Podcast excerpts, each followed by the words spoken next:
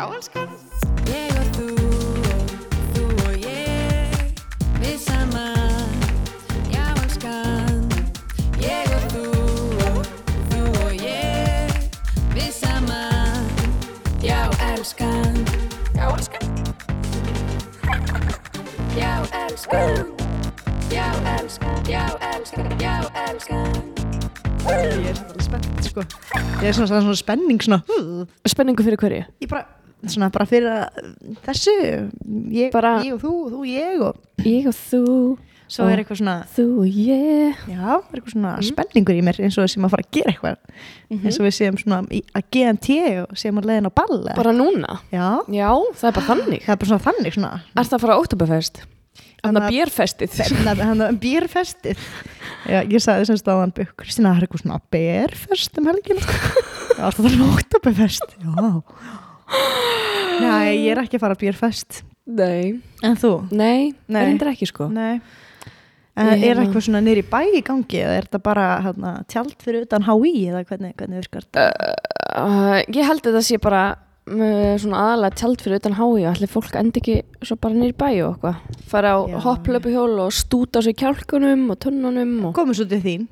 já, koma svo til mín Já, ég er að vinna morgun, þið eru velkomin Hefur ekki gert við nokkur svona kjálta?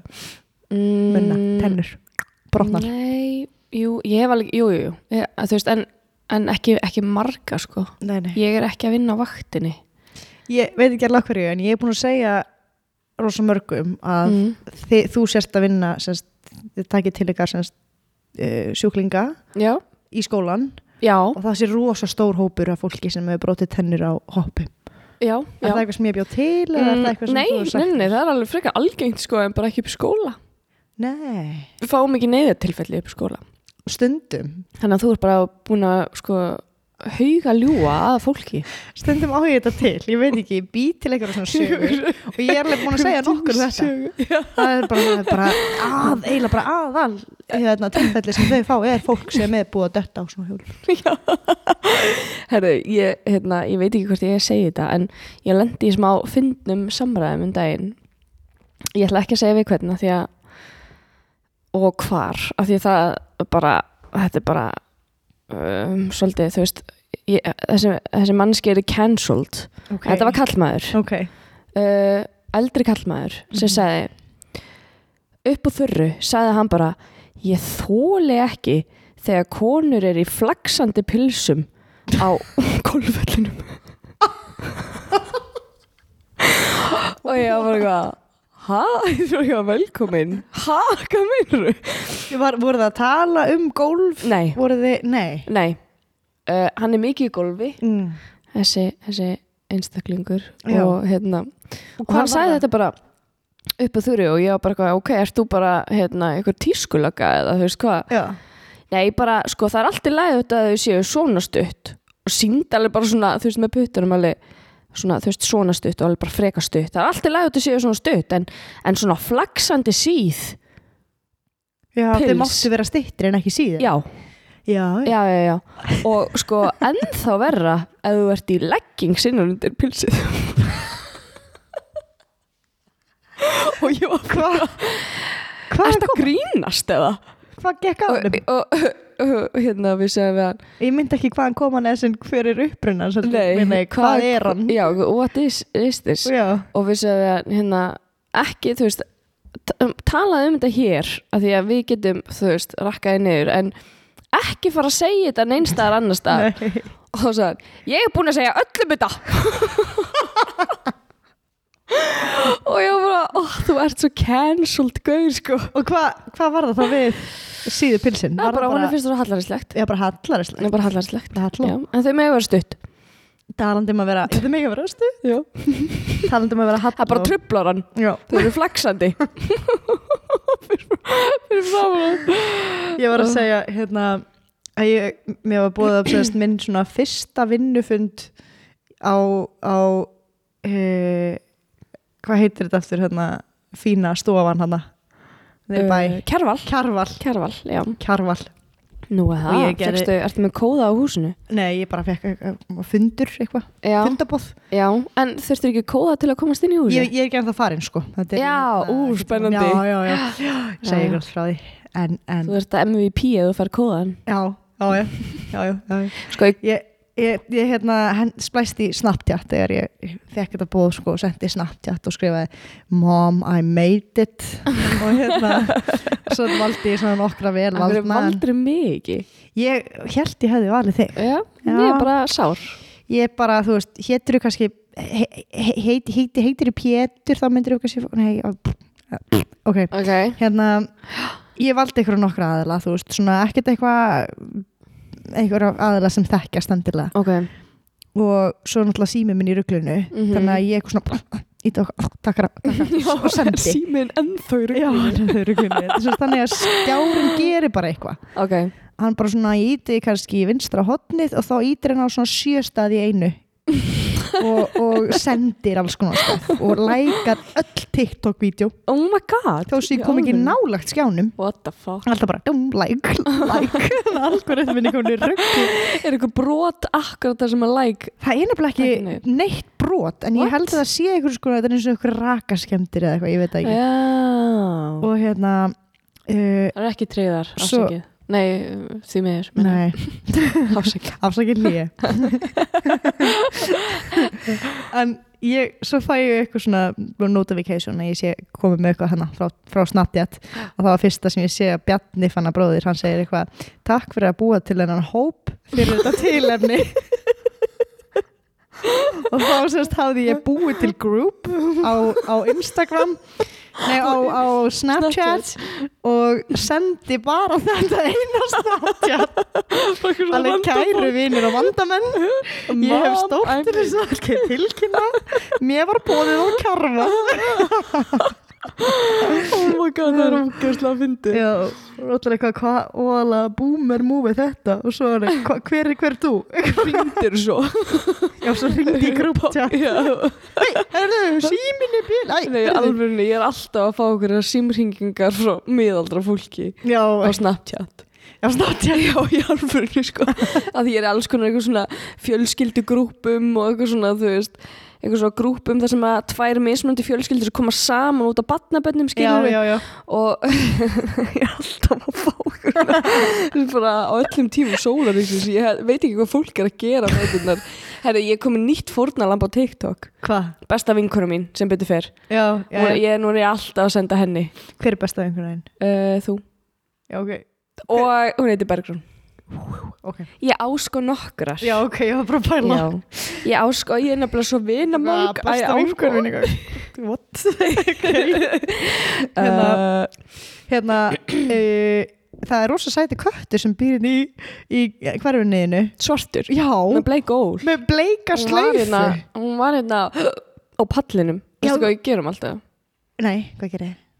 frosti kísa, frosti kísa og hvað gerir og hann, sko, við opnum svalahörðina og hann, hann núna. urlast og kemur á urlinu út á eftir kettinum, við viljum losna við þá. Þeir eru alltaf að pissa þetta pallin Æ, hann er svo sætur, hann er með einhverja Já. rauða slöyfu um hálsin og hann Já. settist, ég satt inn í bíl að tala við ettu og klára eitthvað símdal Jú. og þá settist hann fyrir utan hurðina mína og bara svona horfði á mig í alveg, alvörinni, bara Ok. hérna fyrir utan já, Æ, það er Já. þetta kjút betri klappaði sér oh. Mér langaði rosa að klappa honum, ég þurfti bara að klára þetta símtal hérna þessi kettir, það er sko ógeðslega mikið á köttum inn í hverfinu og ég er bara því miður, það er ég bara ekki kattamanneskja Var ég búin að segja þér út á spáni mm.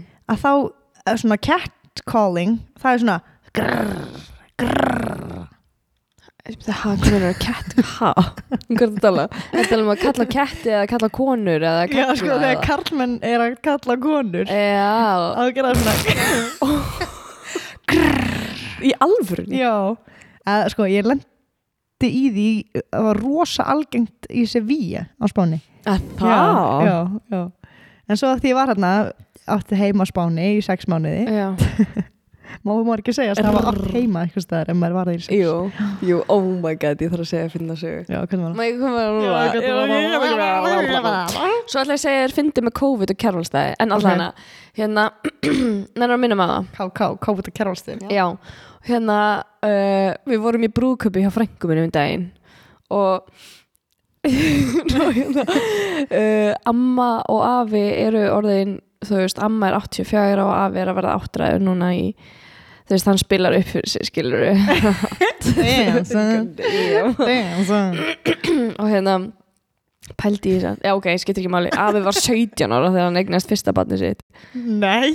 Jú, og amma 21 Vá. Vist, hún var bara með fokkin unglingi þetta er bara ólöglegt sko.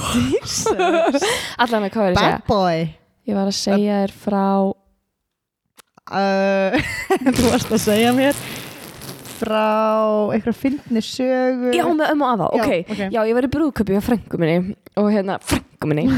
Og hérna og það kom eitthvað svona leikur skjáin þar sem að, þú veist, brúðhjónin áttu að giska þú veist, þau snýru baki í skjáin og sátu á stólum og hérna, svo kom eitthvað upp á skjáin þú veist, allir að standa upp sem að hafa uh, unnið hjá Æslandir eða eitthvað svona. Já. Og það kom, hérna, allir að standa upp sem að hafa búið erlendis. Mhm. og amma og afi standa bæði upp. Já. Og við fórum bara eitthvað horfðum all á hvort annað eitthvað uh, er þau að lesa textana?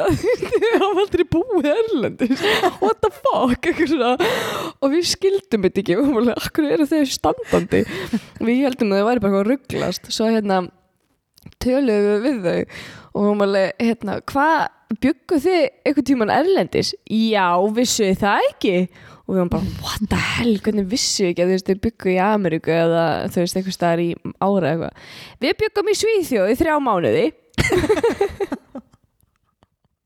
það var svo grútlegt en þú veist, afi var svolítið alveg að vinna og allt eitthvað svona Já, við, ok, í Svíþjóð. ok, ok, ok En mér fannst það ógislega fyndið að þetta var Við bjöggum í Svíþjóð þrjá mánuði. Af Því ég var ekki svona að djókja um mig Já, hvað fórstu, þetta er kanari í einmitt. Var það skilgreiningin að búa erlendis En nei, nei, það voru þrýr mánuðir Það er nefnilega sko Já, það var einmitt það, sko að, að þú hefur kannski svona Já, mér- það var sérstaklega á Sevilla það sem að satt grrrr, en annars það er ekki ah. Bara í Sevilla Já, var aðalega þar mm. en til þess að loka þessum hring sko, svo ég klári ekki mm, skil ekki alla eftir og, og Mm. já, Já, það er eins gott fyrir þig. Hérna, ég ætla að segja með COVID og kjarvalstæði já, Vissur að í COVID Fyrst ekki duglega mun eftir þessu jú Mun eftir að tala um þetta munum þið hvað? Að því man, ég sagði, manstu, hérna Já, jú, vel gert já. Baði um að minna mig á. Var að því ég sagði KK uh, Já, COVID og Kjærval Já. ok. Þess vegna myndi ég það. Sko hérna í COVID að þá hérna því að fólk mátti ekki gera neitt og þá voru svona þú veist, þú ert að vera með kóða til að komast inn á kjærvalstæði mm og vera svona pínu MVP sko. Já, ekki það að ég sé það því ég er ekki með kóðan nei, nei, ekki eftir svo sem. sko. hérna um, já, sko í COVID að það varði þetta svolítið svona hérna svona skemmtistæður nánast að því fólk hafði afsökun skilur, það var að fara á kjarvalstæði til að vinna eða Já, eitthvað já. svona en það er, það er líka bara bara þarna og, sko. já, já, já, já. og þú getur bara fengið þér að drekka og fólk var bara að fara að djamma á kjarvalstöðum Já, bara alveg mm bara alveg harkalegt djam sko Ert þú ekki að tala um, þú veist, barinn er í bæ, kjærvalstæðir? Jú, sem er hérna, þú horfir yfir hérna já. Ég fór sko ein, einu þetta, sinni eru vin, þetta eru vinnustofur Já, þetta er svona vinnustofa líka sko Já, mm hérna, ég bara einu skipti sem ég hef Hvað varst komið þú að tala um?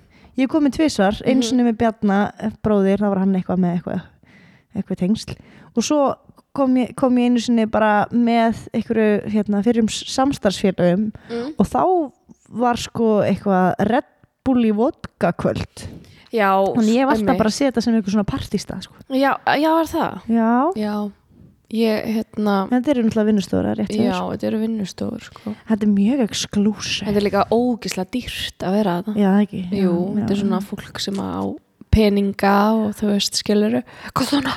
Eitthvað svona Alveg flott og bara- fint já, og eitthvað já, já, já, já, já, já. Herði, viss, vissur hvað? Hvað? Ég lappaði laugavegin í ágúst, verður búin að tala um það hér Nei, ég held ekki hérna, ég ætla að segja nefnilega svolítið merkilegt með lögavegin mm. hérna, hann er 157 kilometrar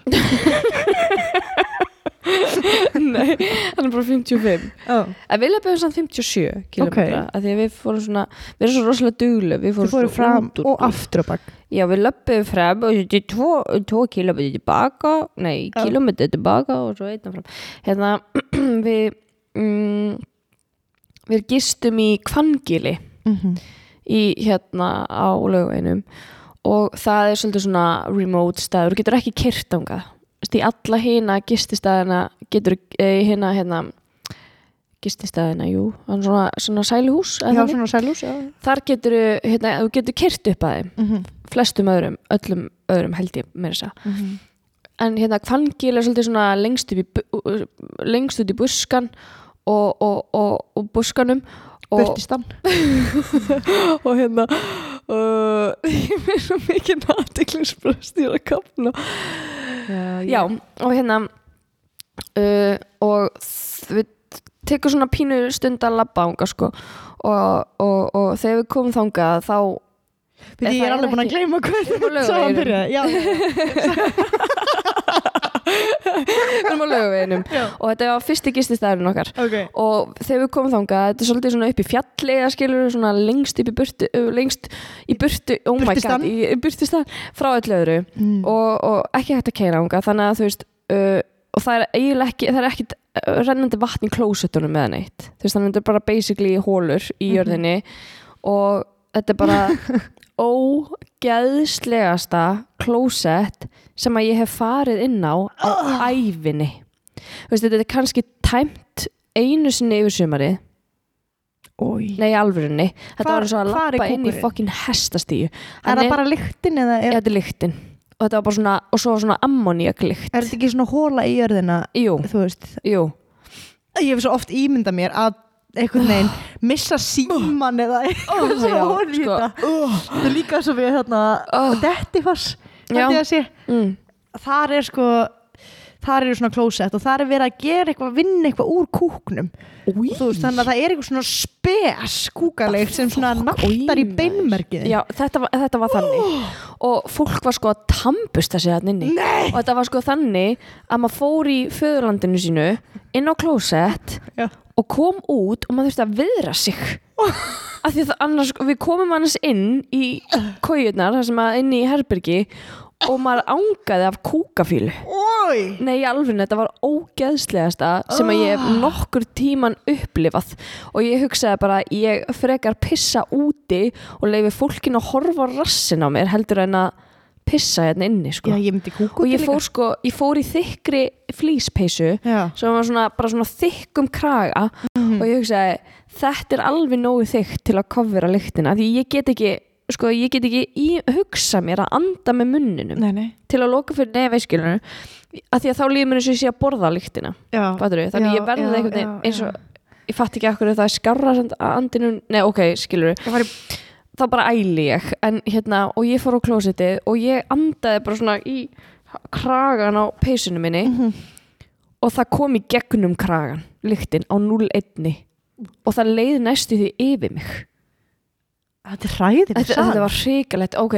En þetta var svona pínu útudúr en það sem ég ætla að segja er að uh, hérna skálaverðirnir, já þetta kallast skálar.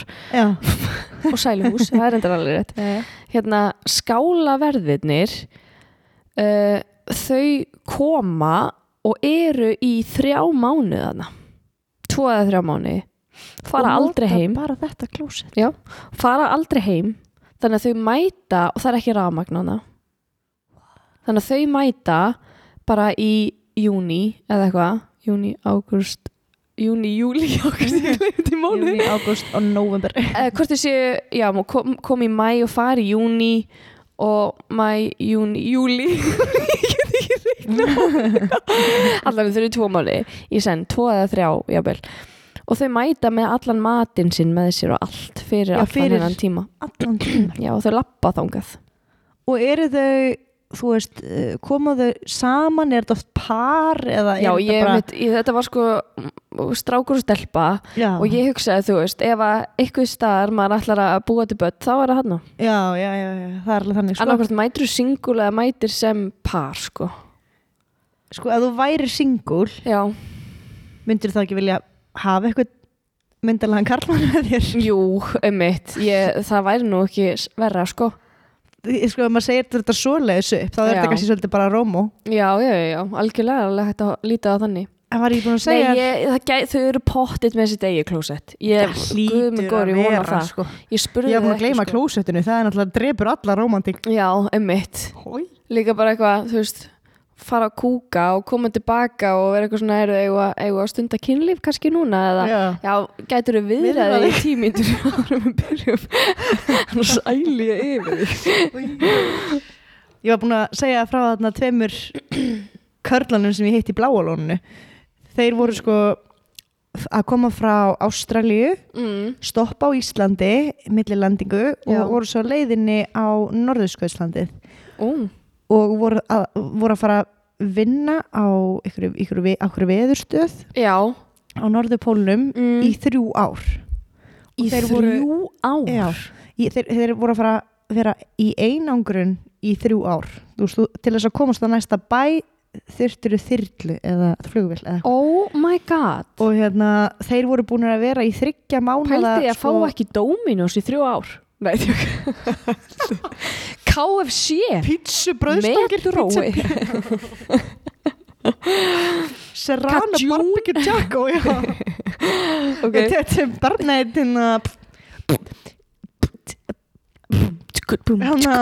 p- uh, pepperoni Pepperoni taco? wow, það var ekki súpa í hausnum á mér. Hérna uh, þeir voru búin að vera í þryggja mánuða þjálfun sem var eitthvað svona þolraun á sko mentalitat Fuck! Þú veist, sjá hversu mikið þeir höndla sko mentali. höndlið Já, já, höndlið þetta Þetta er náttúrulega bara einangrun í þrjú, þrjú í ár. þrjú ár. Og þú veist, Er ekki hægt að hafa þetta bara í eitt ár? Og það er eins gott að sko körlumann ef fólkinu ár? vel saman Já, sko. nákvæmlega. Hvað Pældi þú að hata er þrjú Já, ár. Hann Jónsi, hann er fucking leðilegur Þetta er hann fokkin pyrranda Jónsi Mhm. maður. Bara glataðu gaur sko Og bara einhvern Eða veginn bara einhver einn með kæfusöp Þá er bara skrút í þrjú ár. Já, ég veit.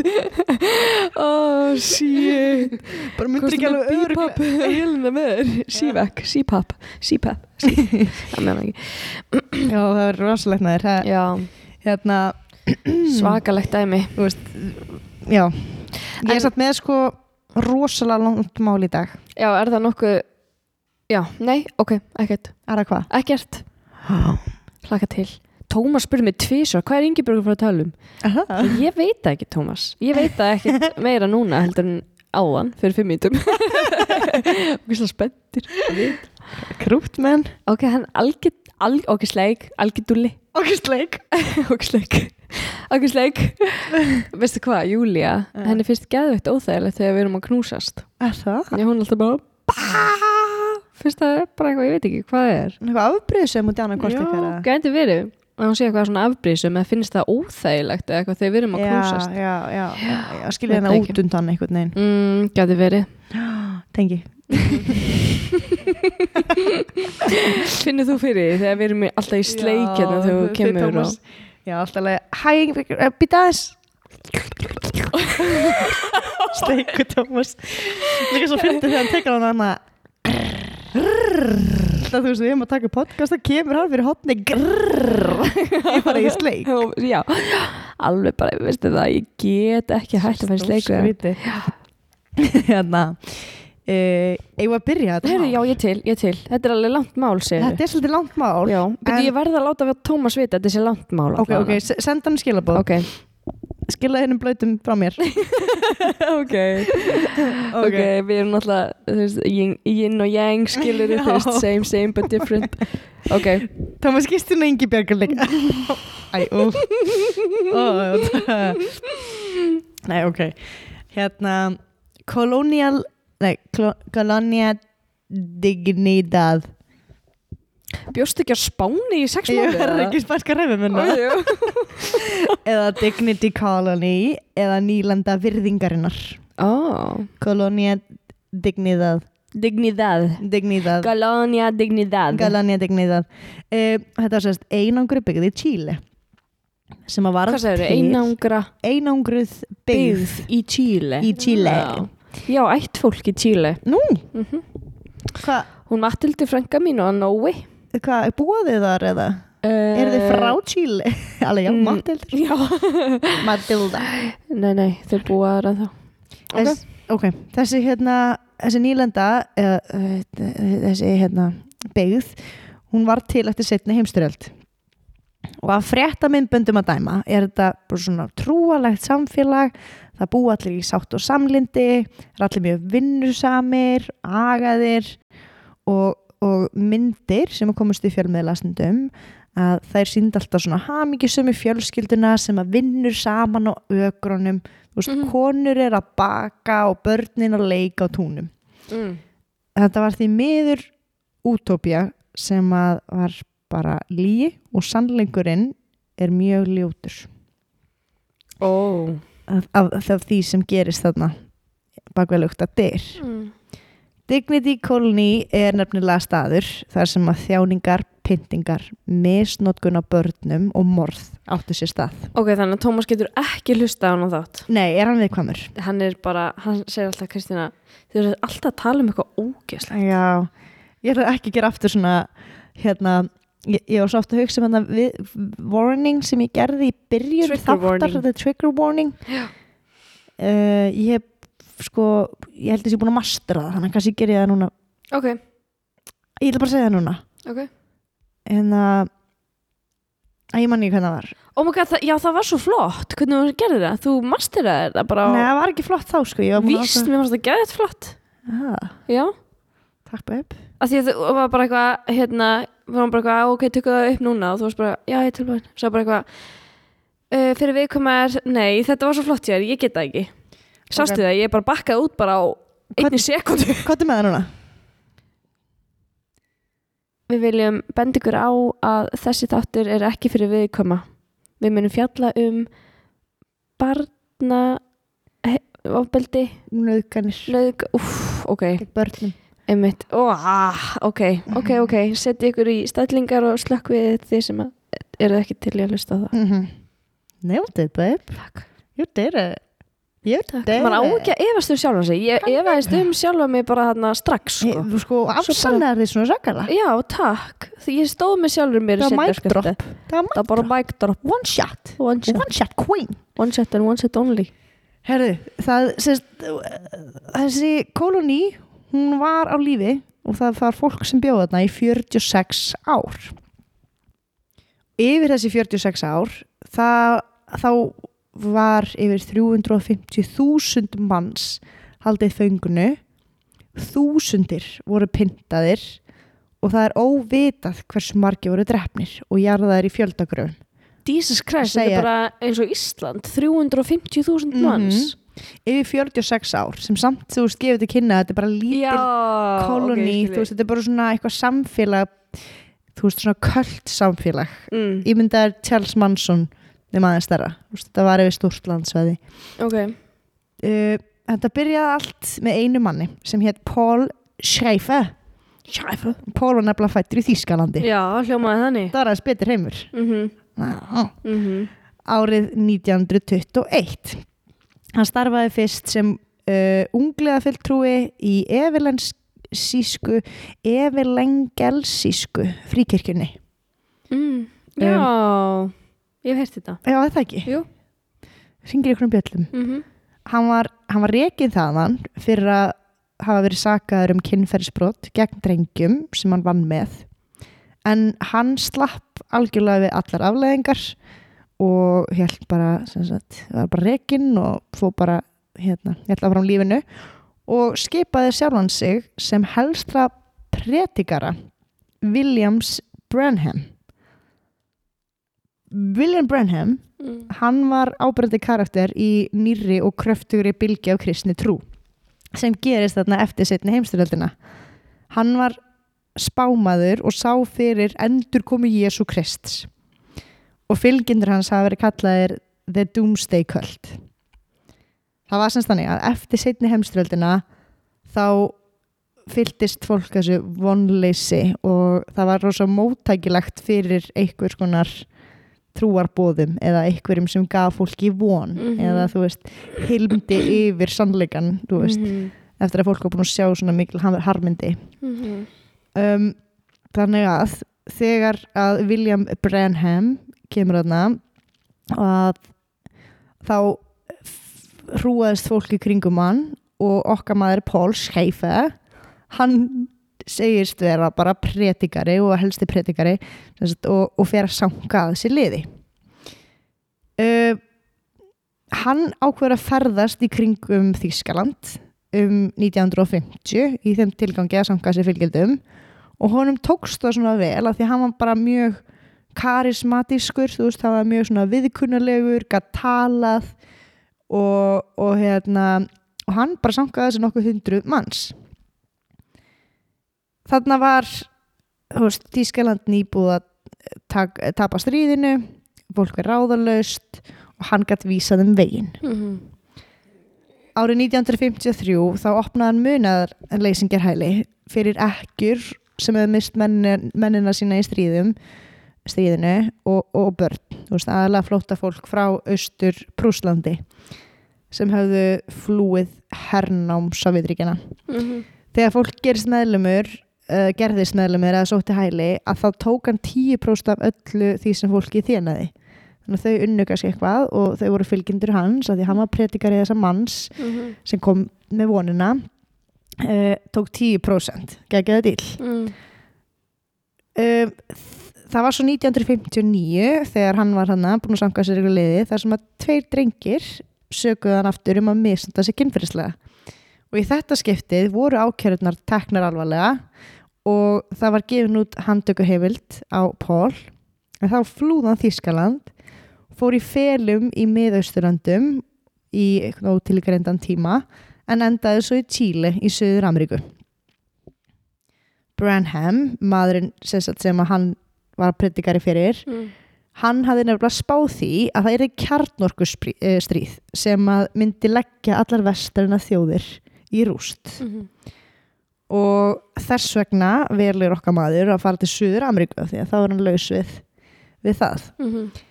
um, árið 1961 þá notaði hann peningin til þess að kaupa 440 40, nei, 4400 hektara búgarð. Rísa búgarð. Hann fekk tíu fylgjendur með sér til þess að byggja upp samfélag og, og þetta varð að svona söfnuðinum hans Mhm. kvöld. Mhm.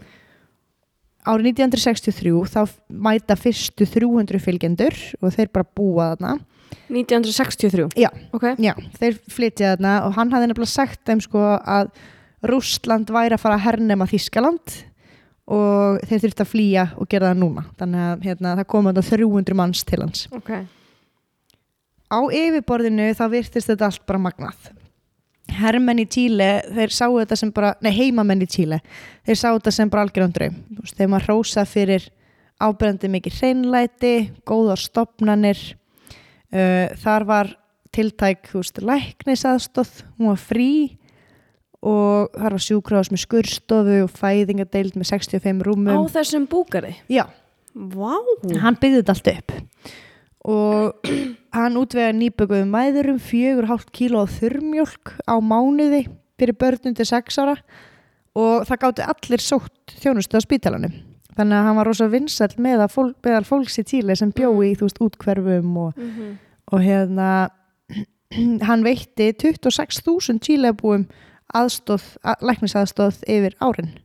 46 Vá. Yfir Kolónia, 46 ár? Já, Ok Kolónia Dignidad græst, grætti mest á landbúnaði þegar vinnuaflið var ókeipis. Þurfti fólkið ekki að borga fyrir læknistjónustuna? Nei, Ó þurfti ekki að borga fyrir læknistjónustu. What? En það vann líka frítt. mm. Þú veist, það unnu allir við landbúnað. Þannig að fólki sem að koma fekk þjónustu það þurfti að vinna þarna Uh, nei, fólki sem bjó á hérna nýlendunni Mhm. þú veist, sem er bara í rauninni ykkur búgarður Mhm. það vann þarna og hann grætti helling á þú veist búgarðinum og það fór í þess að þjónustu og hann Ok. var henni bara að kaupa sér hérna goodwill points Mhm. með því að bjóða upp á þess að þjónustu Mhm. en gerði líka gott að það, það með því Mhm.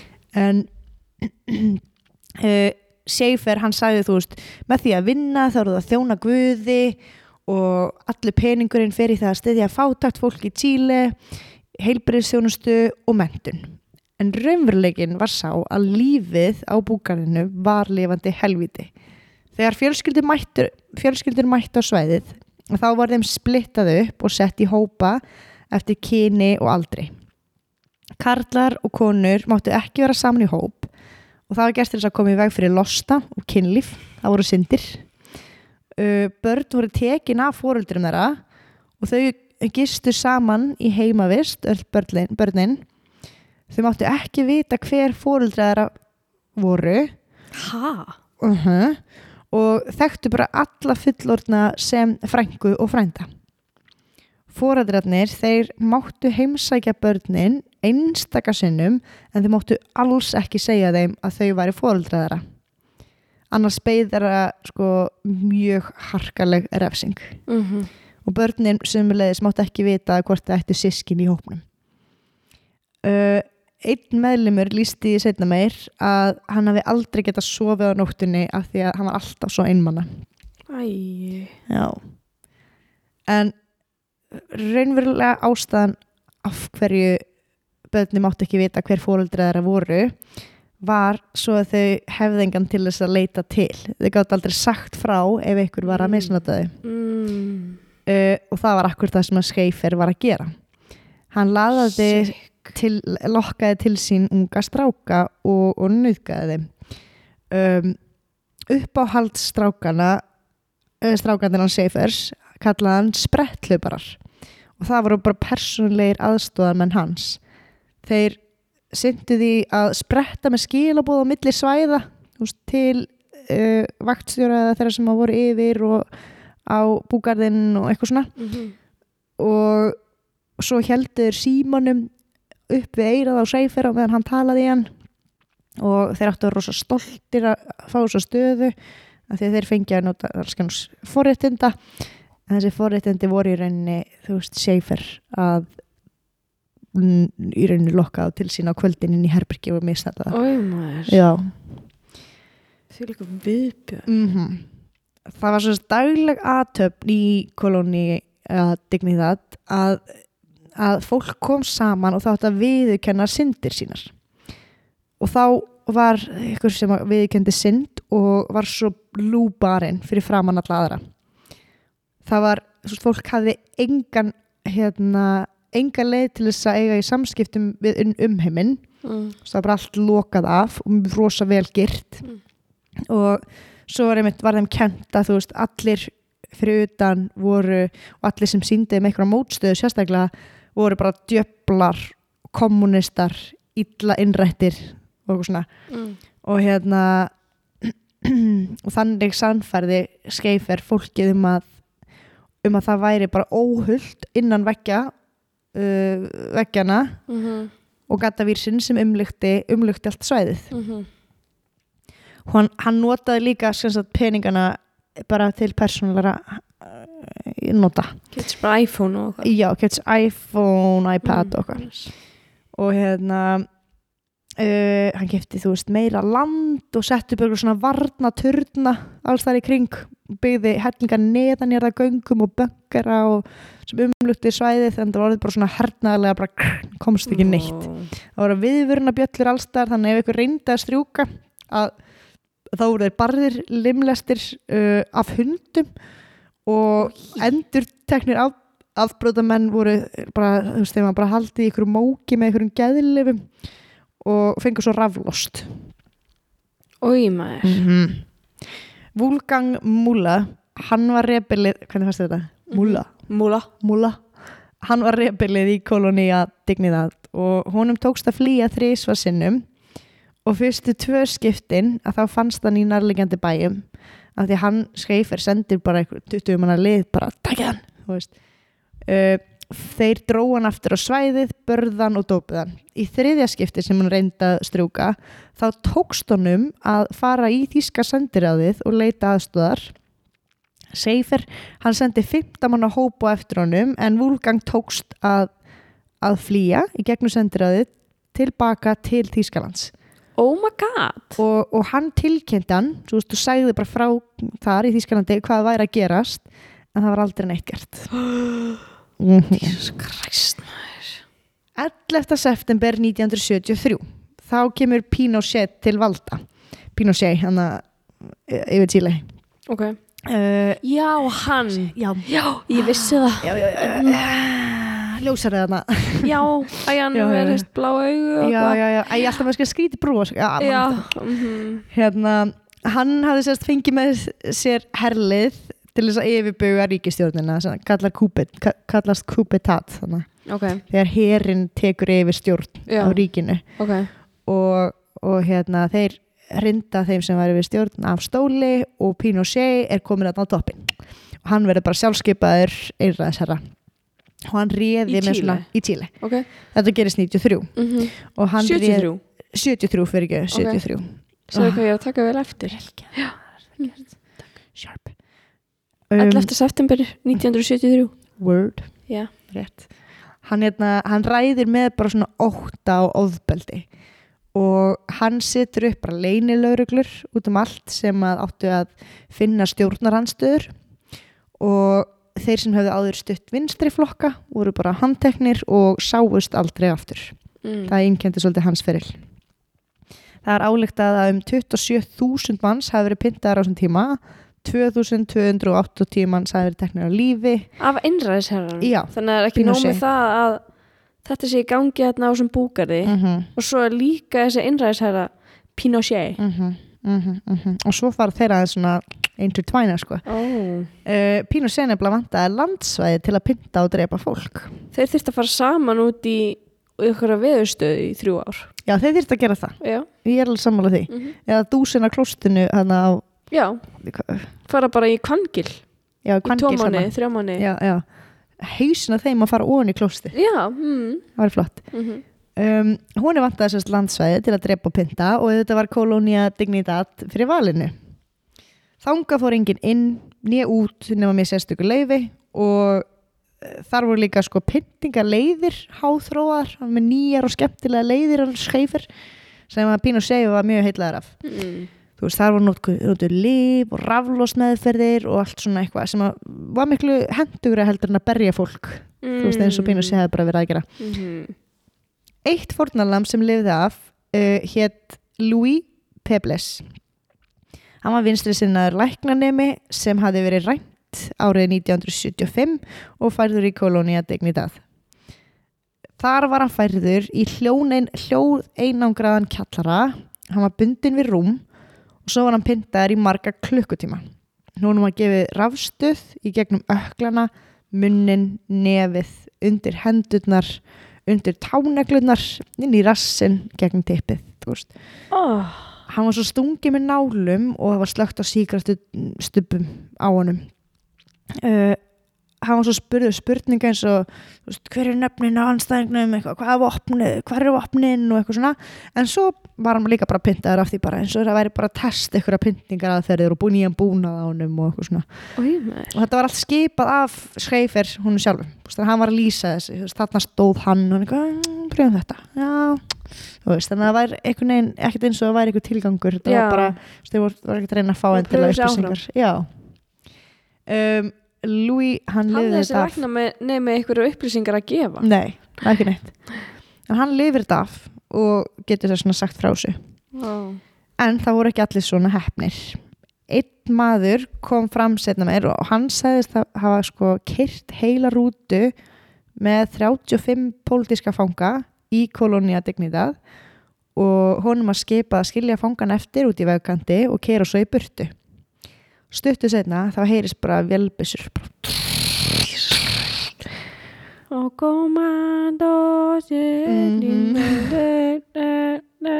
yep. that's it þá var ég með tala undir Já, það er að koma real life hæ? Netflix seria með red light, green light hérna, hvað heitir þetta? Új, Nei, sko, þú veist ekki þannig. Nei, nei, en þú veist það er ekkert að vera að drepa fólk sko, en fólki á að koma og gera þrautirnar. Új, það er fokkin seg mm Hvað heitir þetta aftur? Squid Game. Squid Game, eins og við erum í brúköpi og varum í Já. reipit og var allir bara eitthvað tönotum aðferðin á Squid Game. Já, það takkt allir þessu aðferð. Super dark, allir búin að býða tækifærin að fá að nota þessa aðferð. Um, Já, svo hérna já, sko, já, svo hafa aðri komið fram og, og sagt frá því hvernig fangarnir voru pyntaðir og drefnir í tonnatali. Og svo voru allir jarðaðir í fjöldagröfum Þessar grafir um, hafa verið fundnar en Pinochet hann sko skipaði að, að líkin eru brend með eiturefnum og afgöngunum hent í nærleikjandi ár. Þannig að þú veist þegar þetta komst allt upp þá er henni var, engin, engin líka að finna en grafirna voru þarna vissulega. Jésús minn. Mm Pinochet uh, hann notaði líka kolóniadegnið til þess að búa til og þróa saringas.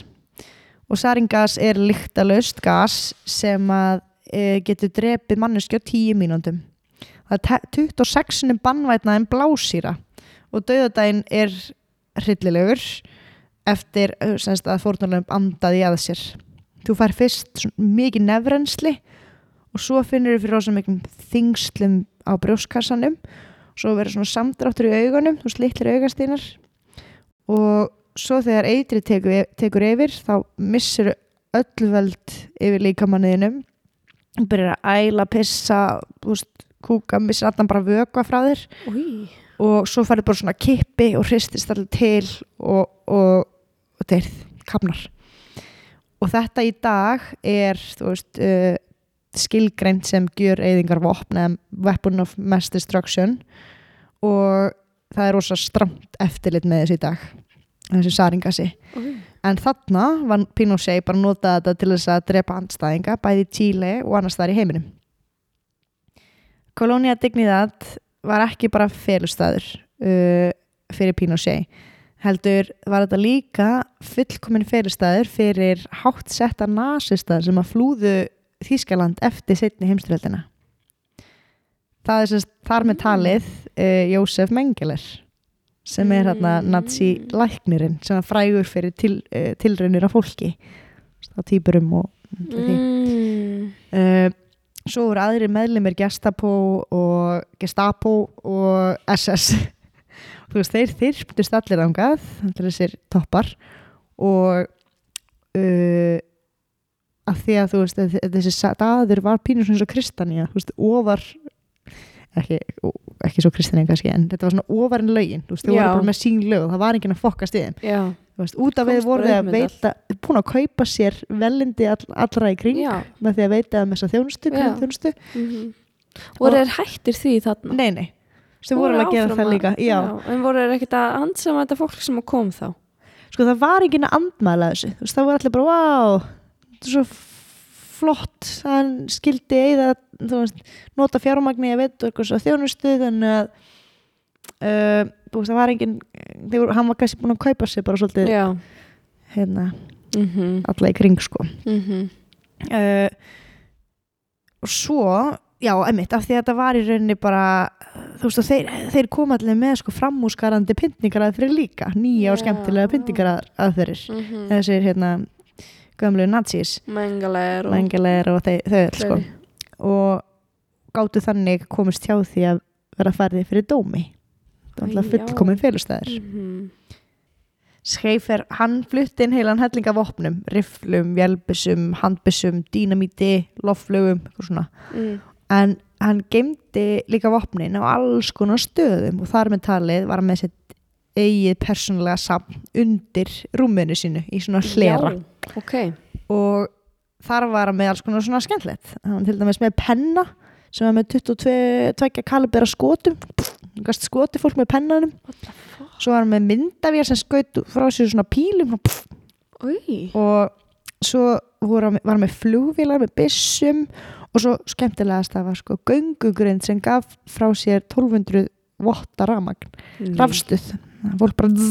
Hvað var háþróa tækni er Mm. þetta sem að hann er með nefnilega, sko, hann er líka orðin gamall kallinn, þannig að þetta var allt vopp sem hann gætt nota sko. Mm. það var bara að vera með göngugreind þannig að heyrðu, halda þessi göngugreindar mín og drefum fólk svona sko. Oh my god en Pinochet þarna hafði verið við völd í 17 ár þegar Chile var svo aftur líðræðisríki árið 1990 andstæða Pinochet var þarna stærri og öflugri og það var til þess að loksins voru haldnar kostningar sem að tapar og Skeifer, hann verður svolítið hrættur að þú veist hvað verður um kolonial dignidad að því að e, við notið verndar frá Pinochet allir sár og, og hérna e, hann var búin að koma sér vel fyrir þarna veist, e, með vini og vandamenn sem voru hliðallir Pinochet og svona hvað gerist. En e, af því að hann var onnur svona gróin inngróin í samfélagið að þá í rauninni gerist ekki neitt og hann fekk bara að halda sína áfram e, en hann var samt að horfa fyrir framið fyrir öðru vandamáli sem að var fæðingatíðni. Að það var svo lítið að börnum að fæðast þarna af því að hann bannaði kynlíf og Já. aðskildi konur og kalla þannig að það voru strá- strákarnir sem hann hafi verið að misnota voru núna, þú veist, orðinaði seldri þannig að hann þurfti að fá nýtt innflæði af ungum strákum til þess að misnota þetta ógeð. Um, það sem hann ákveður að gera er að opna kolóni dignidad fyrir almenningi í Tíli hann ákveður að setja upp svona uh, heimaðistaskóla og bjóða fólki að senda börnin sín til sín og hann skildi veita um uh, frítt nám eða fría mentun og þar sem þetta var þú veist út af við mjög svona hreinlátt og vinnusamt fólk og, og leit allt rosalega vel út að þá hikaði fólk ekki, ekki, ekki að senda börnin sín þangað, þú veist, það var ekki gengið að því að fá mentun í Tíla á þessum tíma, þannig að þetta var bara brekar eftirsótt. mm. Það var einn strákur sem hafi verið misnotaður af Seifer uh, meðal margra sem árið 96 tókst að skrifa bref og koma brefi til móður sinnar af því annars voru bara engin umskipti við heiminn uh, strákur var 12 ára og hann skrifaði brefið að Seifer hafi nauðgað sér. Mamman, henni tekst einhvern veginn að komast fram hjá uh, öllum, öllum örgisvörðanum og frelsar són sinn, kemur són sínum, sínum út úr þessu öllu saman. Mm uh, hún fyrir með hann beint á spítala og spítala var staðfest að misnótkunin hafi átt sér stað. Þannig að hún í staðin fyrir að fara til lauruglunar í þessu útkverfi þar sem að hérna Mm. þetta var og þá fer hún strax í höfuborgina í Tíli og tilkynni málið til lauruglu Gott með hana. Mm og þar var yfirmaður sem að hétt Louis Enrique eitthvað, sem að hérna í ágúst ára 96 gefur út handtökuskipun á hendur Schaefer en Schaefer, honum hafði tekist að flýja þessar ásakanir í Þýskalandi árunum áður en Enrique, hann var alveg sko bara, sko hann var sannfærður hann, hann ætlaði ekki að leiða honum að gera aftur. Mm. þannig að hann tekur til sín sérst, 30 vopnaða lauruglumenn og þeir mæta á svæðið og ætla að handtaka hann. Brjóta sér gegnum hliðið og, og koma að inn. Þá er Schaefer horfin í dag og sérst, það var talið að hann væri líklegast í felum eitthvað staðar í einhverjum af þessum neðanjöragöngum sem var búin að byggja. Þannig að hann hefur frétt að þetta væri eitthvað svona máli gangi. spurst já. Um, Enrique, honum grunaði reynda líka að hann hafi farið í neðanjaragöngin þannig að hann held áfram að ráðast þarna inn með fólk þú veist, og fara ofan í göngin leita að hannum, en alltaf tókst honum að fela sig, þangað til að lokum að honum tókst að flýja land. Hm. Enrique, hann held þarna áfram í nokkur ár að upprjóst, hans það var alltaf að komast að nýju og nýjum atriðum veist, og, og uppljóstar leyndamálum um svæðið og um Schaefer. Og svo fann hann uh, grafirnar en þar voru engin líka því að Pína Sey var búin að skipa að láta brenna þau öll en aldrei fannst Schaefer. Það var svo árin 2005 að Vá. blaðamaður sem heitir hérna ekkert smá. Hún heitir Carola Fuentes. Hún fór að rannsaka málið og hún talaði Frans Barr sem að var maður sem að hafi tekist að flýja kolóniað dignið mm. og hérna árinu áður þannig að hann tókst að flýja þetta 2004 en hann hérna Schäfer, einmitt, hann, hann er farin þaðan en það er greinilega hann er með þú veist fólk í stöðum sem er að viðhalda þess ennþá þarna 2004 Mm og hann sagði að það er rosa mikið af háttsetti fólki sem er að fara til Argentínu sérst háttsetti fólki í kolónia dignidad sem er að fara til Argentínu rosa oft og hann segir við bladamannin uh, hann á sér uppáhalds lífverði og uppáhalds hjúkur eða hjúkunakonur um, þannig að ef þú finnur þau gaf þeim upp uh, nafnið á þeim að þá finnur þú líklegast Seifer mm. og Car Carola Fuentes hún fer aðna til Argentínu og eigðir 13 mánuðum í að reyna að finna okkar mann rannsóknin hún leiðir hana svo að lokum eftir 13 mánuði að húsi í svona gated community eða lokuðu samfélagi í Buenos Aires. Mm. og hún hérna kemst bara því að hann er þar. Þannig að hún ringir á lögguna og það tók nokkar daga að fá húsleitar heimild svo mæti löggan með 24 mannar sérsvita teimi umlikur húsið og Schaefer hann fannst henn á Batherbergi hann var þarna svona gamall og brotættu maður þú veist og leitt enga veginn út fyrir að vera skrimslið sem að hann var. Mhm.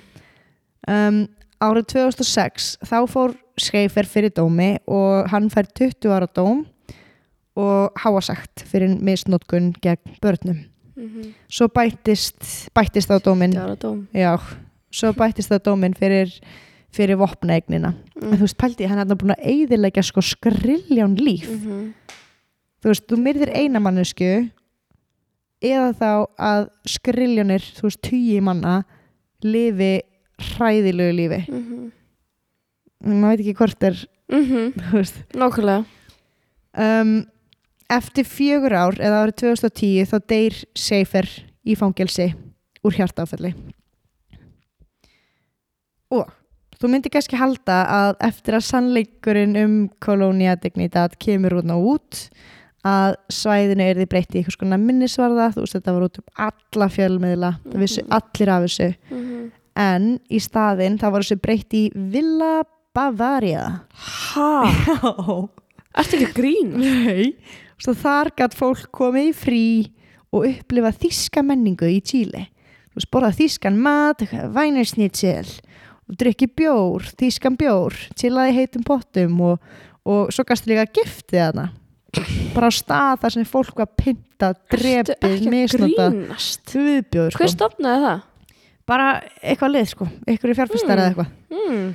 og hérna, en ættingar þeirra sem að dóu á svæðinu, þú veist, það voru Mhm. skriljan mann sem áttu það sem uh, samkvæmt Pínu segi voru pólitískir anstæðingar sem voru Mhm. pintaðir og drefnir um, þau heldu áfram og, og reyndu og reyndu eins og þau gátu að láta gera þetta svæði að einhvers konar minnisvarða. Og unni lítinn sigur árið 2016 þegar eitthvað Association for Memory and Human Rights skipaði Tíli 2016 mm -hmm. skipaði Tíli að vernda svæðið. Já, veldi Ok, so, sorry, skipaði Tíli að vernda svæðið mm. Veist, að, og það þýtti í rauninni að það mátti ekkert breyta svæðinu og það má ekki eyðilega neitt Mhm. þú veist, þannig að það sem var eftir var eftir, eftir að þessi. Bavaria Já. var henni friðað já. þannig að þú veist, hryllingurinn eða minningin um þetta gæti lifað áfram um, En þetta Villa ma, Hvað segir þið? Villa Bavaria Bavaria Er það, þú veist var það fjekk það bara, bara að vera að náfram með það? já, Þau er starrækt og eitthvað já Villa Bavaria Google is your friend Já, þú veist, ef ég, ef ég googli þetta, það kemur bara ennþá bara eitthvað, 2016 er eitthvað einna Villa TripAdvisor. Nei Jú, Oh my god Villa Bavaria. Það er fucking gali. Er ekki til eitthvað bjór eða eitthvað sem heitir Bavaria? Eða það ekki? Bavaria beer Jú Já, Bavaria? það í Chile, Villa Bavaria. What the fuck sko Galið. Bavaria bjór er frá The Netherlands Já, mhm já, fuck, ég er að lesa kommentin hérna mm. Eitthvað pure history Eitthvað, what? What the fuck This is a memorial site mm. Fucking sick, very disappointed Villa Bavaria Já. Er þetta sem sagt búið að lókið svo Þetta er bara orðið Sko, Colonia Dignidad já, kemur náttúrulega bara Kolónia digli það þegar maður googlar þetta En svo er þetta Mhm. á TripAdvisor. Hotel Villa Bavaria. Já, nóttin á booking.com er 11 skall Anyways uh, 11.000 kall? Mm Ok. Þeir sem að byggu á svæðinu áður mm. ákvaði annarkvort að búa þarna áfram og taka mótið túristum á svæðinu. Um, og þá flutti fólki í það sem áður voru heimavistir Mm og bara me- gerði það íbúðum -hmm. um, aðrir ákvaði að fara aftur til Þýskalands og það var talaði hellingur af toppunum sem hefði unnið þarna verið bara eitthvað verðir, vita hvað var í gangi og meðsækir Mm. að þeir hefði flúið líka til Þýskalands mm. tekið rauninni þátt í öllu þessum pyntingum og morðum og því Mm. en Lifir núna bara í einhverjum velistingum í Þýskalandi lifir á peningum sem það fekk fyrir að pynta og drepa. Um, Það sagt fekk peninga fyrir það? Já sko, þú veist, þau hafa tekið peninga frá þessu skilur við, Mhm. bara þú veist fengið, uh, ég veit ekki.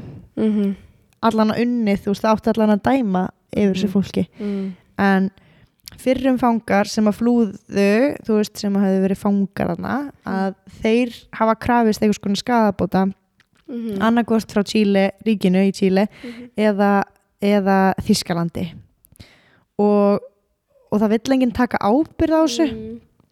en árið eins og 2000 svo ofta aður já, en árið 2019 þá sagði Þískaland samt að, að hérna þetta fólk uh, sem hafði eitt veist, sem hafði eitt 40 árum af lífinu sínu bara í þessu, þú veist, mátti ekki Mhm. tala bönni sín, þú veist, pyntingar ógeð í gangi, mm að þau fengu frá Þískaríkinu 10.000 eurur sem er ekki mikið sem er pínu pínu veist, og sérstaklega fyrir börnin sem voru misnótið og þurfa Það er búa við 1,4 þessi í dag já Jesus Christ maður börnin sem bara, þú veist, fæðast þarna Mhm. og hafðu ein, ekkert val en búa við þessi sáraði í lifu Það er eina milljón. mm. what the fuck is that gonna do já. Nákvæmlega ekki það að peningu geta eitt mann gert betur en, Nei, en nákvæmlega en, Það er búið að já. líf fólks Þú Og veist, það er bara þú veist, 1,4 duga ekki fyrir öllum sálfræði og Mhm. Leifjónum sem að fólk kvíða og þunglindisleifjum sem að fólk þarf að fara á Einmitt. Svo líka sama hvað ég googlaði um þetta, það var allstað bara eitthvað svona, veist, hvort sem það var á Reddit eða eitthvað svona þráðum, svona interaktu þráðum Mhm. og það var fólk bara eitthvað, ha, akkur hef ég aldrei heyrt um þetta. Já, ég hef aldrei heyrt um þetta og þú veist, 2016 Já, einmitt, og líka að, þú veist, allir nazi, hérna, drottningarnar, Já. nei, ei, hvað er ég að segja? drottningarnar Drottning, Mhm. nazi drottningar, hvað er ég að segja? hérna, þeir sem voru í gestabó og SS og það, að hérna, þau hefur bara falið sér þar. Maður hefði haldið að þetta væri partur af sögubókunum, mm Mhm, Nákvæmlega Vá, hvað þetta er crazy Gott kæks. Já, hérna uh, Manstu þú bauðst mér ekkert tíman upp á kremkeks með kaffi Mm. Mm Ég er bara út á þessu Það er svo gott. Þetta er ógslag gott Ógeðslega gott. Þetta er líka prins með hvítu kremi. Já, já, nákvæmlega Það er besta gott. keksi. Já, bara besta keks Ég er algjör Mm. keks skona. Veistu hvað ég ger alltaf í rítil? Já, og Já. labbaðir í hús Já, já, já, báðan og keks. baðast um keks Já, mm Við vitum það öll hér já, já. Það sem er bara frábært Sem Bara er bara- gott með því Við tala saman. Allt sem að maður á að gera Eða þú veist, maður á bara að gera það Já. Mæli með Ég, hérna, ég er ekki mikil kekskona Þú komst mér á þennan vegn Vagn. Mm. Ég ólst ekki, það var aldrei neitt til eitthvað svona gott heima Aldrei Ég hefði betur labbað í hús Já, já. og fengið keks Paldi hvað þetta er pyrrandi. Þú Já. ert að banna barninni inn eitthvað. Já. Þannig að ég ætla ekki að kaupa keks að þetta er úslega óholt og Mhm. barnið þeir bara bankar upp þegar allir nágrunum hættu keks ég var ekkert eitthvað að vera viðgæðanlega ég er bara hæ, áttu keks veistu hvað ég gerði? Það var alltaf svona peningaskál heima með svona klinki.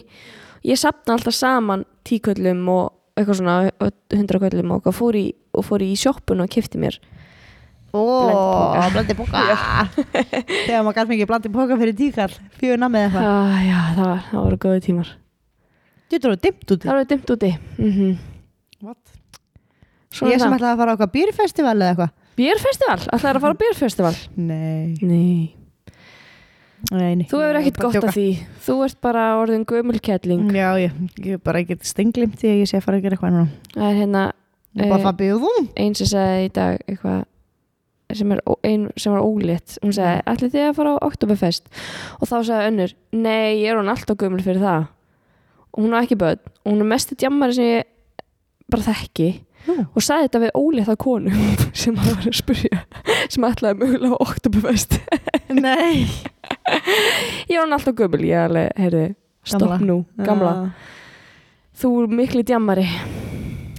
Þetta er svolítið svona Þetta er svona algeng setning sem fólk segir kastar í þegar það vill portreya einhverja mynd. Já, nei, ég er á hún sér ekki sem djamara. Ég, ég ger ekkert svona sko.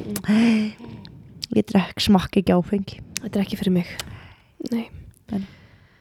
Kaffi mitt er orðið kalt. Já, mitt líka. Hvernig þitt? Já, kallt sko. Nei sko, en ef þið ætla að dýfa kremkeksi ofan í kaffi mm. það má vera sko í hálfa sekundu. Herðu, það, það, er bara, Og hérna líka, kaffi mitt er bara orðið stútfullt af keksi. Einmitt. Og þá sem þú setur bara í halva sekundu, tekur það upp. Já. Þá sko er svona eins og uh, Vökun taki sér tvær, þrjár sekundur í að Fara inn í það. Þessi fínt þegar þú tekur að slags upp Svo horfur bara á það bara Já, molna. Mm Já. Það er mjög gott Nei, sem að sem að, þegar maður setur svona síru á eitthvað svona Já. sett, þá svona Já. Új, Hvað heitir aftur hérna gasið sem við varst að tala um? saringas. Saringas, já, einmitt, þannig. Já, já, þegar maður setur og saringas þegar maður setur saringas já saringas ó, saringas og saringas, Hérna, veistu hvað ég er að fara að gera um helgina? Hvað? Ég er að fara til Budapest, baby. Þú kastar þessu út á þann eitthvað. Já, ég er að fæta bútabest ég, I, I didn't know that. Nei, var ég ekki múið að segja þér? Ég er að fara í vinkonferð. Get out, er það með sem bestu með? Já, með bestu vinkonu minni Já, ok, mm ok. Sorry, ég fegst ekki bóð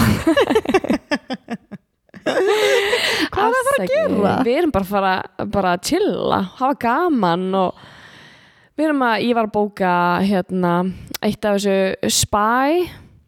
Oh my god. Sko degi eitt, við erum nefnilega sko bara í þrjánætur þetta, er, þetta eru uh, tveir og hálfu dagur þú veist, plenty of time fyrir mömmur, Já, skilur finnst du gott. bara aðeins að skjótast, smá helgaferð skilur du, Mm. skilur du Er allar að mæta? skilur du uh, já, já, við erum allar fjóra að fara.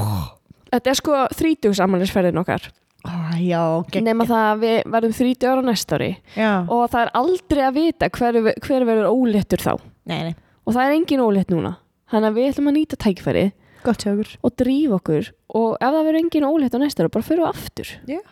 þá kannski bara fyrir eitthvað annað Já, þetta er bara geðveitt, við ætlum bara degi eitt ætlum við bara að rölda um og skoða og allt, allt það og svo degi tvö veit ég ekki alveg hvað ætlum að gera kannski vínsmökkun mögulega, svo erum við frá hérna svona booze cruise um kvöldið í ljósaskiptunum.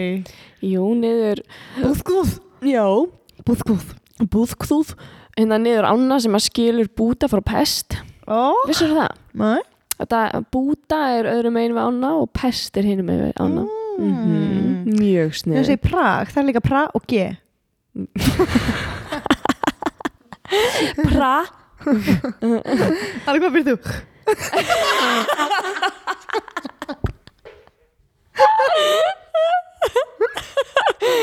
Já, einmitt. Já, hérna uh, Já, og svo degi þrjú, daginn sem við fyrir heim Aha, þá eigum við flug sko klukkan tímyndir í fjögur. Ok. Þannig að við viljum bara vakna snemma, fá okkur morgumat á hótelinu sem ég veist eitthvað geggjaði staður er bara svona, sko, þú sérð ekki veggin á staðinum af því það er allt í lifandi plöntum, Ó, bara eitthvað svona geggjögt cool. sko ógæslega cool uh, það er geða cool, cool, já, Það er alveg cool. mikið koldfísýringi hann inni, hann er 3D alltaf svona í rými. Nei, þetta er hvað, 3D 3D, já. Pöntunar okay. Já, það eru lifandi. Sick. og svo ætlum við að fara beint í spa og vera í spainu þangur til að við förum upp á flugvöll. Get out. Að því vorum alveg svona, að þú veist, eiga að fara í spa og fara svo að gera eitthvað, skilur en Já. maður er oft svona drained eftir spa. já, já, já. þannig að þetta er svona fullkomi svo bara förum við í flug svo við tóruðum mynd kannski. Já, og hérna þannig að þetta er gæðveitt spennandi. Það eru 30 gráður oh. mm gaman að fara í smá hita aftur og, og, og, og hvað ætla ég að segja meira? Nakka það, já, hérna við erum að fara bara með hérna, handfarangur. Þú veist, Já. við megum ekki einu sinni vera með þú veist, svona handfarangur já, tösku, svona svoleiðis. er það að fara með Wiz EasyJet Viss mm þannig að það er spurning hvort þú komumst sagt, hvort þið felli niður flugið eða hvað, mm. en það kemur í ljós. En hérna, þannig við erum bara með bakpoka. Það er gaman. Það er bara stemning, sko. Já, og við erum alveg svona on a budget sko, eða skilur við, þú veist. Já, já. Og Hvað veistu hvað, við erum að kaupa sko fjárstjörnu hótel, bara alveg niður í bæ í búta. Það, er saman eða eitthvað? Nei, fjóra saman, kiftum bara eitthvað sko, þú veist, penthouse nánast eru þið fjóra saman á herbyrgi Já, kiftum alveg risa herbyggi get out. Og þetta er eitthvað svona svaka stórt og gott og eitthvað svona setjustofa og eitthvað þú veist með sófa sem við getum spjallað og eitthvað. Og borguðum 27.000 á mann fyrir þrjár nætur. Get out. Ég er bara ekki einu sinni botnið svo hérna, ekki, ég er ekki einu sinni smá að grínast þér það er svo ódýrt að vera þarna Hef ég heyrt. döðlangar að fara til. Budapest já, ég hef aldrei komið sko, ég er mjög spennt að pröfa hvað, hverju það fyndið? ég fór bara að hugsa já, ég er að leiða til hérna mm, Dublin hæ, hvenar? ég bókaði í gær Nei, lok, ég er að fara, ég, ég er að fara í vinnustofu í Dublin. já, já, já, já, alveg rétt. Og svo er ég að fara, ætla ég að fara bara hérna, því að þetta er sikkur með, sko þetta er mándu og þriður að miðdagar en ég ætla að fara bara helga þetta til London. Já, næs, getur unnið, unnið bara frá London? Ég ætla að vinna bara frá London. Geðveik. svo ætla ég að Það hérna er fyrir London, Dublin, London? Já, Ó, vá, hugulegt já, nema Hvað er það þetta að gera í London, Ingeborg? hjásvæðu í London ok, það er ekki ást, það er bara bara pjúra kynlíf. Herðu, veistu hvað, ég er, að, ég hérna, er dottin inn á gellu á TikTok sem að er hérna svona escort. Eða svona hérna sugar baby. Ú, hún er alltaf með sugar daddy og mér finnst ótrúlega flippa að fylgjast með henni. Bara throw it out there sko. Byrju, er hún bara ég skil ég hún er bara, vá. Maður er bara, hérna, hún er bara gæðveit mikið að segja frá hérna, ekki fá bakþanga með þetta róp ég fekk, ég fekk smá öll. bak ég sá það á þér. Svona, þú varst alveg, ó, geti, þú varst ég ég, þetta. já, nei, nei, nei, nei, við rópum öll. Ok. Bara hérna uh, í, fle í flestum löndum er það dónaskapur en, en hérna já, hún er bara dokumentara líf sitt og þú veist, hún fór í fymta krús með Sugar Daddy sem er bara eitthvað, hún er 27 ára og hann er 55 ára eða eitthvað. Og hún segi ég er bara búin að vera hans Sugar Baby í heilt ári núna. Oh my god. Og hún segi hann er bara gett chillaður hún segi, ég er náttúrulega ekkert hrifin að hennu með neitt Nei, skilurðu, en, en þú veist hún veitur um kynlíf þegar hann þarf eða vill og eitthvað svona og mm. þetta er bara alveg freka klikka og þetta er svona, svona áhugavert finnst mér, þú veist, að fylgjast með Magnað. þessu bara, þú veist, að fólk að hún skuli bara lifa svona lífi og svo, er hún, sko, svo segir hún að þegar uh, businessin verður töff Mm. hún er kannski ekki, að því hún vill vera svona langtíma sugar baby sko ekki já, eitthvað svona one time only sko ok og þegar businessin verður töff, töff þá fyrir hún að strippa. Ok. Þá verður hún strippalingur já, strípalingur já. Hérna, Mm. hvað gerir þú? ég er strípalingur hérna. Uh, hérna ég ætla að segja uh, já, það er alveg svona sex involved. Já, já, já, já, já, já, já. Uh, sweet, sweet, sweet, sweet, ok, ok, ok. Hún já, pældi að vera 20, og hvað sagði, 7 27 ára og vera svo bara svona vókal með þetta líka. Já, bara no shame in her game eða skilur, Já, bara ekkert, þú veist, hún er bara hérna, þú veist, við skulum supporta sex industry. Já, that's a thing, sko, ég meina þetta er bara til og þetta er eld, eldsti industry í heimi. Að það, Já. ok. Elsta yðgungrein Inngangarein getur maður að kalla þetta yðgungrein elsta Starfsgrein. starfsgrein í heimi. Vá. Þannig að þetta var allt þú veist talað um þetta í Hollandi af því að þau voru að fara rauk fyrir því að okkur þetta er löglegt. Mm. þetta er elsta starfsgrein í heimi þannig að þú ert ekki að fara útrýmusu annarkvort getur þú reguleita þetta og haft allt upp á yfirborðinu eða þú veist sett þetta allt bara í hendur pimpa og undirheimana og alltaf koma með setja fleira fólk í hættu. Og þar var til dæmis í rauðakverfinu er skilda fyrir þær að fara í STD-test á fymta fresti mm. það er bara Já. samkvæmt kjara og svo er það alltaf kjara samninga sko varandi laun og annað þannig að þú getur, Í alveg já þannig að þú getur rukkað, þú veist, þær, þær er allar að rukka svipa fyrir, þannig að þú sést ekki með eitthvað eina rosa ódýr að þú kanti Já, einmitt, þannig að sé ekki að misnota mm. Mm. aðstöðu sína já, eða skilur já, einmitt, eða þú ykkur svona neyðungar Já, desperation, ég veit ekki. vá, það er áhugavert Mhm. Já, minnst það góð þróun. Já. og þá kannski bara, já, einmitt. En hérna, þetta er nefnilega mm, frekar áhuga mér finnst það líka bara eins og með hana, ég fór bara að hugsa þú veist, hún bara langar hana ekkert í kærasta? Já, eða kærustu? Já, einmitt. Uh, Þetta hún er bara, sko. já, hún sagði bara þú veist, og ef að mér vantar pening fyrir leigunum minni, þá bara ringi ég hann. Og ég bara, hæ, getur borga leigunum minna, 2000 dólarar. Og hann bara gera það um leið Oh my god. Mhm. We are on the wrong hilla Halló, ég er bara eitthvað hérna, eitthvað með kvíðakast yfir skólanum og bara Mhm. mannskemmandi eitthvað og svo bara Æ, er, nei, ég er að grínast. Hún er líka bara ekki að Mjög- vinna mjög og, uh, Já, og sérst ekki að vinna eða það, þetta er bara vinnan vinnan hennar. já. En, en að ferðast og gera það sem að öll, all, allir leifa sér every now and then. Mm sem hún segi-. Hún var hérna á okkur svona cruise shipi Mm. og svona cruise skipi Mhm. Cruise ég er að, mér langar svo að vanda með að vera betri eða þú veist að tala Æ, ég mér líka. maður, ég er eitthvað svona að flýta mér og þetta er svona stemningin og svona en allavega hún hérna sagði að þú veist, hún ætla bara að gera allt sem hann langar að gera þannig að Já. hún var alveg, þú veist, mér langar bara að gefa mikið frá ströndina, hann enni því ekkert já, já, já, já. og veist, hann vildi bara stoppa í öllum túristabúðunum og svona, þú veist. Ah. þannig að hún er að vinna. að twist sko. mm, hún er að vinna sko. Já, myndi maður enn að stoppa yllum túristabúðum mm, mm ég ætla að gera það í Budapest. Já, ég ætla að kaupa alla hérna, allar, hef veistu hvað, ég er að samna með liklakipum er það? ég kaupi liklakipur í hverju landi sem ég er til. Afsaki, nei. Guð hjálpi hefur ekki sé hefur ekki sé vídeo þessum að gaurinn er í viðtali og hann hann nörrar hann segir bless you og thank you.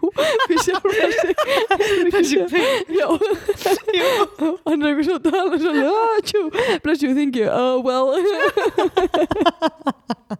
það er ógæðslega myndi ah, já, já. Það er mjög gott. Herri, á þessum nótum.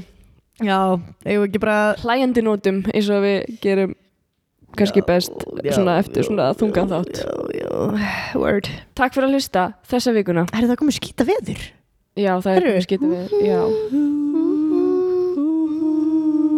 ætli ég byggja upp stapadröðin ok.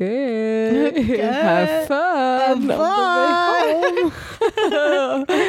ég var alltaf spúkt þegar við tölum um stapadraug og það er myrkur þegar ég er, ég er genuinely hrætt um að þetta gerist fyrir mig. Nei, hættu, Nei, jú, bara að þú ég- lítir í bak og sjáu bara óvart Já. eitthvað Já, að byr, byrtist einhver í hérna, já. baksinni speklinum mm Mhm, mhm, stapadröðurinn það er mest skeri Reykjanesbreytin er drullu skeri. Mhm.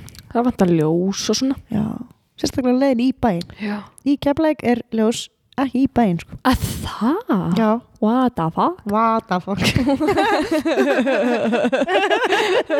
Hver er það stjórnir sem er reikinu spil? Ég segi það. Stopp hingu ekki lengra sko. Oh. Herðu, ok.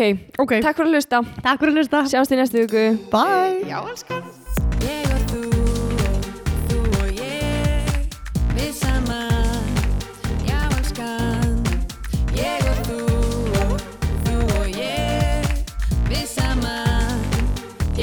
elskan. Já, elskan. Já, elskan. Já, elskan. Já, elskan. Já, elskan.